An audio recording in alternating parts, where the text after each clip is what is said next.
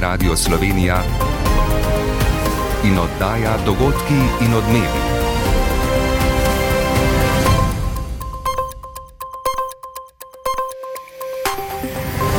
Ura je 15 in 30 minut. Dober dan. Pozdravljeni. Odstopna izjava notranje ministrice Tatjane Bobnar je v državnem zboru. Poslanci se bodo z njenim odstopom seznanili v sredo. Notranje ministrstvo bo začasno vodila ministrica za javno upravo Sanja Janovič Hovnik, ki danes prihodnih korakov ni razkrila zadeve se bodo realizirale v tem tednu in takrat bomo tudi podali več informacij. Nekdanja podpredsednica Gibanja Svoboda Marta Kos je v podporo Bobnarjevi medtem izstopila iz stranke. Nov sklic državnega sveta po potrditvi 40 svetniških mandatov voli predsednika. V drugem krogu izbirajo med Jožefom Školčem in Markom Lotričem. Odmeva korupcijski škandal v Evropskem parlamentu. V priporu so štirje ljudje, med njimi podpredsednica Evropskega parlamenta Eva Kajli, ki so osumljeni korupcije in pranja denarja.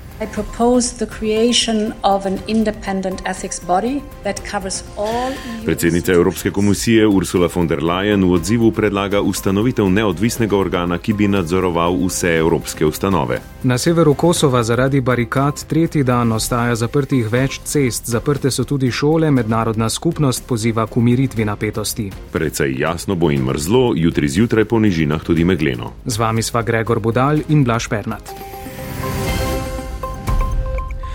Poslanke in poslanci se bodo v sredo na začetku redne seje seznanili z odstopom notranje ministrice Tatjane Bobnar. Iz kabineta predsednika vlade so namreč danes v parlament poslali njeno odstopno izjavo, hkrati pa so dodali še obvestilo, da bo notranje ministrstvo začasno vodila ministrica za javno upravo Sanja Ajanovič Hovnik. Po molku, v katerega se je zavil po izbruhu afere Bobnar, bo predvidoma v sredo spregovoril predsednik vlade Robert Golob. Javnost in politika pričakujete tudi pojasnitev pojasnila o dejanski vlogi nekdanjega specialca Miloša Njegoslava Miloviča pri njegovem varovanju. Je pa dogajanje povezano z odhodom Bobnarjeve prineslo nov prelom v gibanju Svoboda. Iz stranke je namreč izstopila Marta Kos. Več v pogovoru s Tomažem Celestino, kaj se bo torej v zvezi z odstopom ministrice Bobnar zgodilo ta teden v državnem zboru. Dobr dan, kot smo slišali, bo v sredo na vrsti dvojna seznanitev in sicer najprej z odstopom Tatjane Bobnar, no sama bo svoje razloge za to potezo poslankam in poslancem tudi na kratko dodatno pojasnila. Sledila bo seznanitev s tem, da bo notranje ministerstvo začasno za največ tri mesece oziroma do prihoda novega ministra ali ministrice vodila ministrica za javno upravo Sanja Janovič Hovnik. Seveda je glavno vprašanje, kako in če sploh se bo lotila kočljivih kadrovskih vprašanj vprašanj. Danes jasnega odgovora pri njej nismo dobili. Zadeve se bodo realizirale v tem tednu in takrat, bi, takrat bomo tudi podali več informacij. Ni še jasno niti to, kako bo potekalo iskanje in imenovanje novega notranjega ministra ali ministrice, ali se bo postopek začel takoj ali pa bo Robert Golob čakal na začetek veljave novega zakona o vladi in potem paketno uredil zadeve, morda še s kakšnim imenom več. No, Roberta Goloba bodo na temo, kaj so politične usmeritve in kaj neposredno politično umešavanje v delo policije, najverjetneje verjetneje izvali tudi med poslanskimi vprašanji v sredo, kakšno besedo pa bo moral nameniti tudi vlogi Miloša Njegoslava Miloviča, za katerega je pred časom dejal, da ne dela za vlado, Bobnarjeva in Boštjan Nidal pa sta v svojih poročilih zatrdila drugače. Celotno zgodbo, povezano s Tatjano Bobnar, je danes v luči nespoštovanja vrednot, okrog katerih je bilo zgrajeno gibanje Svoboda, postavila ena od ustanovnih članic stranke Marta Kos, ki je iz stranke izstopila. Tako je Marta Kos ima dovolj. Spomnimo, med koalicijskimi pogajanji je bila neuspela kandidatka za zonanjo ministrico, potem je odstopila iz predsedniške tekme kot kandidatka Svobode, sledil je odstop z mesta podpredsednice, danes pa je z besedami to ni več moja stranka, gibanje Svoboda tudi zapustila. Njen odhod iz gibanja Svoboda je povezan z dogajanjem okrog Tatjane Bobnar in kot je zapisala, je tudi izraz neposredne podpore Bobnar Cerarjevi, ki je tako kot ona vedno sledila demokratičnim načelom. Marta Kos se umika, ker se razmere v stranki še zaostrujajo. Kako pa njeno potezo ocenjujejo v gibanju Svoboda? Podpredsednica stranke Urška Klakočar Zupančič se je odgovoru izognila. Lejte, njenih razlogov za izstop iz stranke jaz res ne bi komentirala, ni prav, da jih komentiram, to so njeni osebni razlogi. Enako skop odgovor, da osebnih razlogov ne komentiranju so poslali tudi iz Gibanja Svoboda, no Marta Kos danes besedne zveze osebni razlogi ni uporabila, je pa dodala še, da prihodnost spoštovanja demokratičnih standardov ne sme biti odvisna od nekaj posameznikov. Toliko za zdaj. Hvala, Tomaš. Sedmi sklic državnega sveta je ustanovljen. Svetniki in svetnice so na prvi seji potrdili vseh 40 mandatov. Zdaj potekajo volitve novega predsednika državnega sveta. V prvem krogu so se pomerili trije kandidati: Jožef Školč, Bojan Kekec in Marko Lotrič. Ker nihče ni dobil 21 glasov, prav zdaj v drugem krogu izbirajo med Lotričem in Školčem. Volitve so tajne, poročajo Landa Lebar. Potrjenih je vseh 40 mandatov sedmega sklica državnega sveta. Na štiri mandate so bili uloženi ugovori, a jih je mandatno volivna komisija zavrnila, državni svetniki pa potrdili tudi te mandate. Zdaj pa na volitvah odločajo o kandidatih za prvega med svetniki, edinega, ki bo funkcijo upravljal poklicno, predsednika državnega sveta.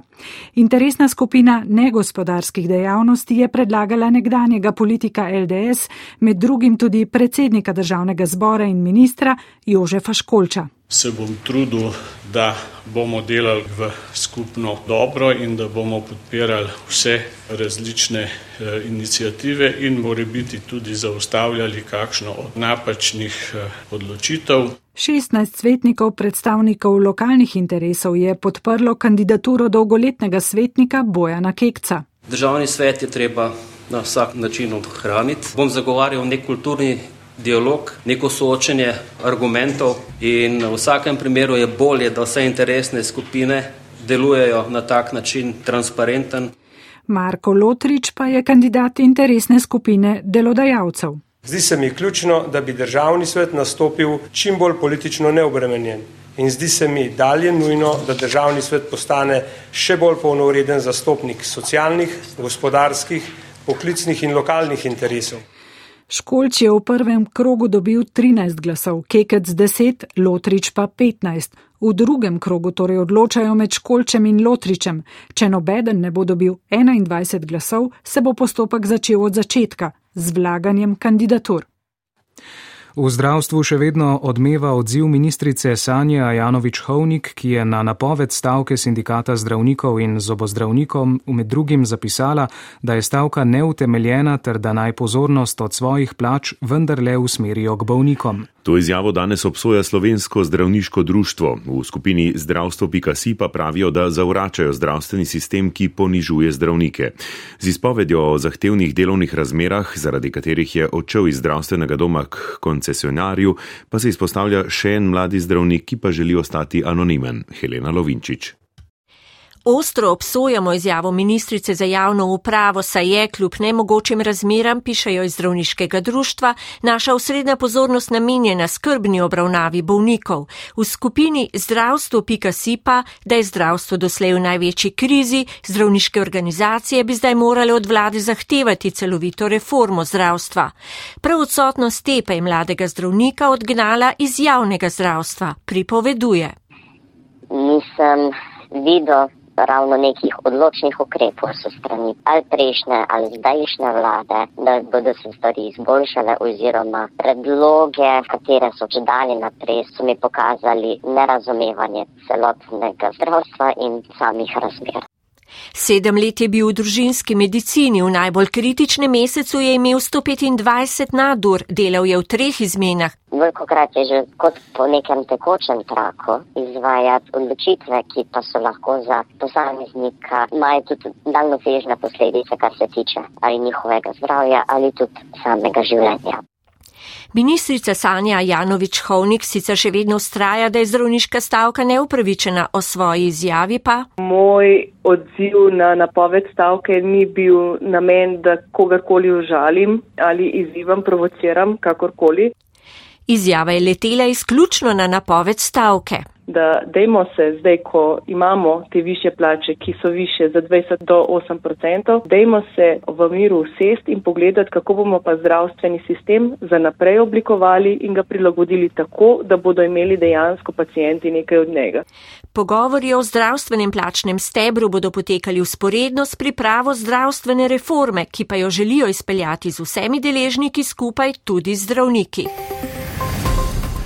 V nadaljevanju osrednje informativne oddaje Radia Slovenija bodo odmevali predvsem dogodki iz tujine. Začetek zasedanja Evropskega parlamenta je v senci korupcijske afere, v katero je upletena ena od podpredsednic. Kljub zimskim temperaturam ostaja vroče v odnosih med Srbijo in Kosovom. Ukrajinska vojska je, kot kaže, ustavila ofenzivo na jugozahodu, kjer so pred enim mesecem osvobodili mesto Herson, medtem kot svoj najnovejši uspeh omenjajo nočni napad na štab zloglasne ruske zasebne vojske. Še vedno se ni polegal prah zaradi avstrijske blokade vstopa Romunije in Bolgarije v šengensko območje. Zaskrbljeni so predvsem gospodarstveniki v naši severni sosedi. Od domačega dogajanja omenimo odpiranje smučarske sezone. Danes so prvič smučali na rogli. Res sem čakal na prvi dan. Jaz sicer eh, minus 10 vidim, ampak zunaj pa nimam takega občutka, ker je sonce. Lep dan bomo izkoristili, drugače pa na počitnice do petka. Dva otroka, en je zdaj šel na tečaj, takoj ob desetih. Fulej urejen smočišče, ni prestrmih prog. Letošnja novost je štiridnevna vozovnica, ki omogoča smučanje na vseh petih pohorskih smučiščih. Pred današnjim začetkom zasedanja zadnjega zasedanja Evropskega parlamenta v tem letu se je ta nepričakovano znašel sredi korupcijske afere.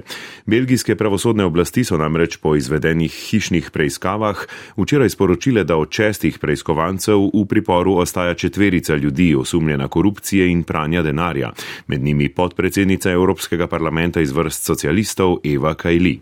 Neuradno naj bi bil v ozadju podkupovanja prireditelj svetovnega nogometnega prvenstva Katar, čeprav je ta uradno zanikal vsakršno upletenost. Dogajanje okrog afere že vse od petka spremlja dopisnik iz Bruslja Igor Jurič.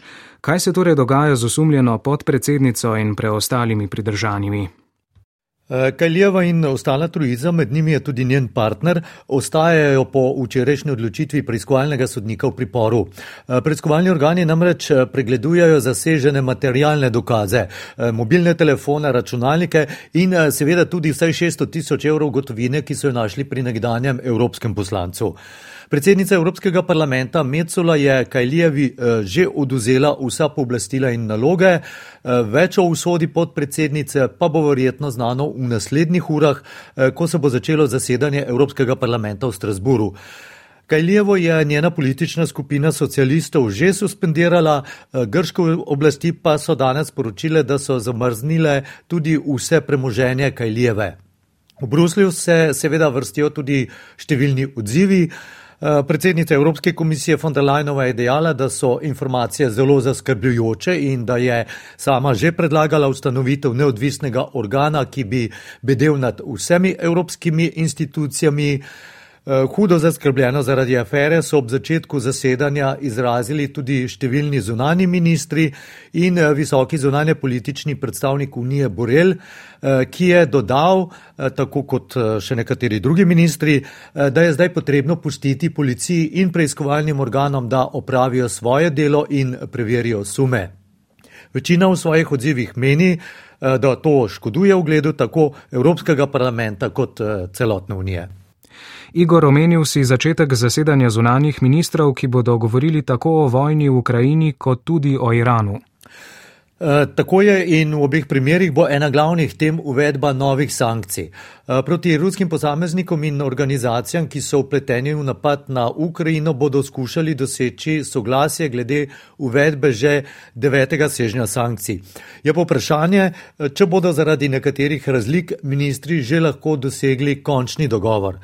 Eh, da bodo sprejeli dogovor o novih sankcijah proti posameznikom in organizacijam v Iranu, pa je skoraj gotovo, eh, zlasti ker je iranski režim usmrtil že drugega posameznika, ki je sodeloval v protestih. Eh, seveda pa bodo razpravljali tudi o zelo zaostrenih razmerah na Kosovu. Borel je obe strani pozval naj poskrbita za zmanjšanje napetosti in naj se vrneta k dialogu. Eh, napade na pripadnike Euleksa pa je označil kot eh, nespremljive. Igor, hvala za te informacije. Zdaj pa k aktualnim razmeram na Kosovu. Na severu tudi tretji dan zaradi barikad ostaja zaprtih več cest, največ protestnikov se zbira v kraju Rudare, kjer so postavili tudi šotore. Prehoda Jarinje in Brnjak na severu je mogoče prečkati le peš, kosovska policija trdi, da iz varnostnih razlogov. Srbski predsednik Aleksandar Vučić pa je sporočil, da bodo v četrtek kot odgovor na povečano navzočnost kosovske policije poveljnika Kforja uradno zaprosili za napotitev svojih policistov in vojakov na sever Kosova. Boštjan Anžin. Na severu Kosova je bilo se noči spet slišati strele, v Mitrovici več detonacij, šole so zaprte, srpski obramni minister je med vojaki v Raški v meji s Kosovom. Predsednik Aleksandar Vučić pa zahteva izpustitev vseh priprtih Srbov, tudi da je na Pantiča, zaradi katerega so ljudje tokrat odšli na ulice, ter umik kosovske vojske severa. Da bi kvor zahtevi po napotitvi srpskih enot ugodil, ne pričakuje, čeprav meni, da je ne bi smeli zavrniti. Na svetu za nacionalno varnost so sprejeli potrebne ukrepe, katere ni znano a pre nego što bilo kakvo naređenje dobiju. Preden bodo vojaki in policisti dobili kakršno koli povelje, razen dviga bojne pripravljenosti, pred uporabo česar koli, bomo milijonkrat poskušali ohraniti mir in varnost za vse naše državljane. Vučić govori o poskusu končanja srpskega problema, mednarodna skupnost pa naj bi se pretvarjala, da ne vidi, kaj se dogaja. Pozval je k zadržanosti, naj ljudje ne nasedajo na provokacije in za zdaj zaupajo k Forju in Euleksu. Na drugi strani kosovski premijer Albin Kurti pravi, da so se zdaj, ko ni zapleta z registrskimi tablicami, ko so lokalne volitve predstavljene, ko ni izgovorov, v svoji želji po ognju in krvi razgalile srpske nezakonite strukture, spremenjene v kriminalne združbe. Kvor poziva naj upravi svoje delo in barikade odstrani. Srbija želi na Kosovo vrniti svojo vojsko, kljub genocidu zagrešenemu pred 23 leti, ki ga je ustavilo posredovanje NATO. Mislim, da si nihče pri zdravi pameti ne želi, da bi konflikt, kot ga gledamo v Ukrajini, izbruhnil še v tem delu Evrope. Zato prosim, ne gledajte le na svoje politične točke in kako izvršiti čim večji pritisk. Razmišljajte o svojih ljudeh, poziva Lars Gunnar Vigemark, vodja Evropske misije za vladavino prava na Kosovu. Konec tedna je v Ukrajini prinesel nove ruske napade na civilno infrastrukturo. Ukrajinske sile pa so napadele mesto Melitopol, ki je pod ruskim nadzorom. Ukrajinci trdijo, da so po noči zadeli štab ruske najemniške skupine Wagner na območju samooklicane Luganske ljudske republike. Prispevek Mateja Hrastarja. Ukrajinci so se, kot kaže, odpovedali nadaljnemu napredovanju na jugozahodu frontne črte, kjer so pred mesecem dni osvobodili mesto Herson. Celo ruske državne agencije poročajo o okrepljeni ukrajinski prisotnosti v okolici mesta Svatove na severovzhodu, kjer Rusija brani zelo pomembno oskrbovalno pot. Če gre verjeti guvernerju Luganske regije Sergeju Gajdaju, so Ukrajinci po noči zadeli hotel v mestu Kadijevka, Rusi ga imenujejo Stahanov, kjer so imeli štab vojaki najemniške skupine Wagner. Zaenkrat ni niti približnih podatkov o številu mrtvih, kot tudi ni mogoče zanesljivo potrditi, da je šlo res zgolj za vojaško tarčo. Še vedno poteka tudi krvava bitka za mesto Bahmut, ki pa je bolj simbolnega kot strateškega značaja. Ukrajinci so čez vikend raketirali okupirano mesto Militopol, ruske okupacijske oblasti govorijo o dveh mrtvih in desetih ranjenih. Rusija pa je z napadi delno onesposobila energetsko infrastrukturo v Odesi. Ukrajinski predsednik Volodimir Zelenski je povedal, da je brez elektrike ostalo 1,5 milijona ljudi v tem pristaniškem mestu. Kljub poškodbam pristanišča pa se ponovno nadaljuje izvoz prehrambnih surovin v skladu z julijskim dogovorom. Po nekaterih informacijah Ukrajina za konec meseca pripravlja novo ofenzivo na vzhodu države, najprej pa naj bi počakala, da bodo tla zmrznila, kar bi težkim oklepnim vozilom omogočilo hitrejše prodiranje. Ni izključeno, da prej omenjeno prerasporejanje sil na vzhodu ne služi tudi kot maskiranje protiofenzive na kakšnem drugem delu frontne črte. Avstrijski veto na vstop Bolgarije in Romunije v šengensko območje je tudi v naši severni sosedi doživel burne odzive. Zvezdni kancler Karl Nehammer odločitev o vetu sicer še naprej brani, v koalicijski partnerici stranki zelenih pa so se do tega distancirali. Kritični so tudi v gospodarstvu. Petra Kozgramuš. Avstrija je drugi najpomembnejši investitor v Romuniji. Avstrijsko gospodarstvo zato močno skrbijo pozivih bojkotov avstrijskih bank in podjetij v Romuniji ter potovanj Romunov v avstrijska smučarska letovišča. Tudi znotraj vlade ni enotnega mnenja glede zavrnitve vključitve Bolgarije in Romunije v Schengen. Stranka zelenih se je do tega distancirala. Ministrica za pravosodje iz stranke zelenih Alma Zadič. Bolgarija in Romunija spadata k evropski družini in svoboda v njej je pomembna, zato sem prepričana, da se bo v najkrajšem možnem času našla rešitev. Kritični so tudi v opoziciji in celo nekateri vidnejši člani ljudske stranke, a zvezdni kancler Karl Nehammer je še sinoči za avstrijsko radio televizijo branil veto in ponovil, da od skupno 100 tisoč migrantov, ki so letos prispeli v Avstrijo, ni bilo registriranih 75 tisoč in da sistem ne deluje. Nemčija je pričela nadzorovati mejo z Avstrijo, na to smo začeli nadzorovati mejo z Mačarsko in Slovenijo. Nemčija medtem nadzoruje meje s Češko, Češka pa mejo s Slovaško. Z drugimi besedami, tukaj imamo očiten problem in dokler ta ni rešen ali se začne reševati, mislim, da ne moremo govoriti o širitvi. Sicer pa je na gospodarske posledice za Avstrijo opozoril tudi zvezdni predsednik Aleksandr van der Bellen. Potem, ko je Kitajska prejšnji teden sprostila stroge ukrepe za zajezitev širjenja koronavirusa, je državo prepravil val epidemije, na katerega bolnišnice niso bile ustrezno pripravljene. Urgentni oddelki naj bi bili prenapolnjeni, bolniki na obravnavo čakajo tudi do šest ur. V večjih mestih se srečujejo tudi s pomankanjem zdravstvenega osebja. Vodilni kitajski epidemiologi napovedujejo, da bo val dosegel vrhunec v enem mesecu. Strokovnjaki se bojijo, da bo še zlasti prizadel starejše, ki se niso cepili zaradi strahu pred stranskimi učinki. Doslej je bilo namreč na kitajskem cepljenih le 40 odstotkov starejših od 80 let. Dogodki in odmevi. Minuli konec tedna je kar nekaj slovenskih smučišč zagnalo svoje naprave, dodatno je smučarske delavce razveselila sveža pošiljka snega. Prav zaradi slabe vremenske napovedi so začetek smučarske sezone prestavili na Rogli, kjer so prve smučare na mesto v soboto pozdravili danes. Pričakala sta jih sonce in 40 cm debela snežna odeja. Več v reportaži Matija Mastnaka. Tako so ob devetih na rogli pognali smučarske naprave, prave gneči ni bilo, a najbolj zagreti smučari so na začetek smuke že komaj čakali. Iz Murske sobote in res sem čakal na prvi dan. Ja? Dan sem še za vsak slučaj poklical zjutraj, so rekli, da je odprto in sem tu.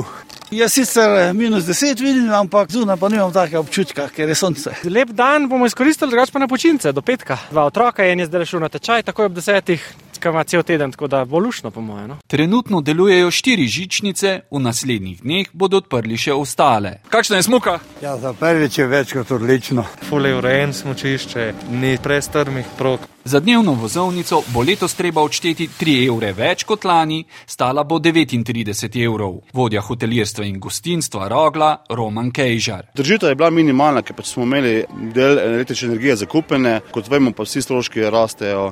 Mal manj v gostilnih, pa več na smočari. Hoteli na Rogli se že polnijo. Pričakujemo, da bojo polno zasedene v svojem božičnem in novoletnem času, ter se takoj po novem letu, ko prihajajo Hrvati. Rogla je eno od smočišč, ki je prijelo 8 milijonov evrov iz vreče za krepitev odpornosti slovenskega turizma. Predvidoma do prihodnjega novembra bodo zgradili novo šestsedežnico, leteči tobogan, uredili bodo dve novi kolesarski progi. Letošnja novost je štiridnevna vozovnica, ta omogoča smučanje na vseh petih pohorskih smučiščih. Še v svet filma. Po letu dni premora, ki so ga zaznamovale polemike o pomankanju raznolikosti in etike med člani Združenja tujih novinarjev Hollywooda, se vračajo nagrade Zlati globus. Nominirance so razglasili to popovdne. Med nominiranci za najboljšo dramo so nadaljevanji filmov Avatar in Top Gun ter Elvis, Fabelmanovi in Tar. Nominacije za najboljšo komedijo oziroma muzikal so dobili filmi Babylon, Duše otroka, Vse pa vsot naenkrat, Glass Onion in Trikotnik žalosti. Nagrade bodo podelili prihodnji mesec. Spor med premijejem Robertom Golobom in notranjo ministrico v odstopu Tatjano Bobnar je pomenil tudi dokončno uradno slovo nekdanje podpredsednice Gibanja Svoboda Marte Kos od stranke. Državni zbor se bo z omenjenim odstopom seznanil v sredo, notranje ministrstvo bo začasno vodila ministrica za javno upravo Sanja Janovič-Hovnik. Dogodke in odmeve, ki jih boste lahko čez nekaj minut znova poslušali tudi prek aplikacij za podkaste, je prav tako zaznamovala ustanovna seja novega sklica državnega sveta, na kateri pa še vedno niso izbrali predsednika. Tudi v drugem krogu nihče ni dobil 21 glasov ali več. Marko Lotrič jih je dobil 12, Jožef Školč pa 15. To pomeni, da se volitve predsednika začnejo z novim vlaganjem kandidatur. Zdaj v državnem svetu odločajo, ali bodo volitve nadaljevali danes ali pa v prihodnih dneh. Evropski zunani ministri se strinjajo, da bi Unija za vojaško pomoč Ukrajini namenila dodatni 2 milijardi evrov. Na zasedanju v Bruslju bi po pričakovanjih lahko tudi potrdili deveti svežen sankcij proti Rusiji. Sledi še pregled športnega dogajanja, ki ga je pripravil Boštjan Rebršak. Slišali boste, da je Japonska izbrala Slovenijo za tekmico v predtekmovanju tekmovalni skupini svetovnega prvenstva v košarki. Slovenci bodo tako predtekmovanje odigrali na Okinavi. V Doho se v teh dneh selijo nogometni navdušenci, predvsem štirih preostalih reprezentanc v boju za naslov. Hvala za pozornost. Želimo vam prijeten preostanek popovdneva.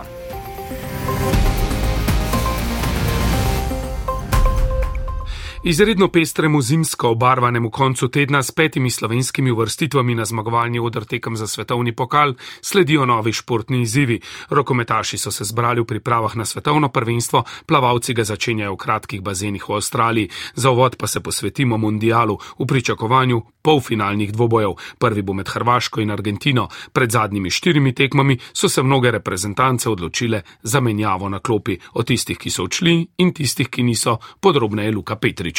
Hansi Flick ostaja na čelu Elfa, Gareth Southgate se še ni izjasnil, ali bo ostal selektor Anglije.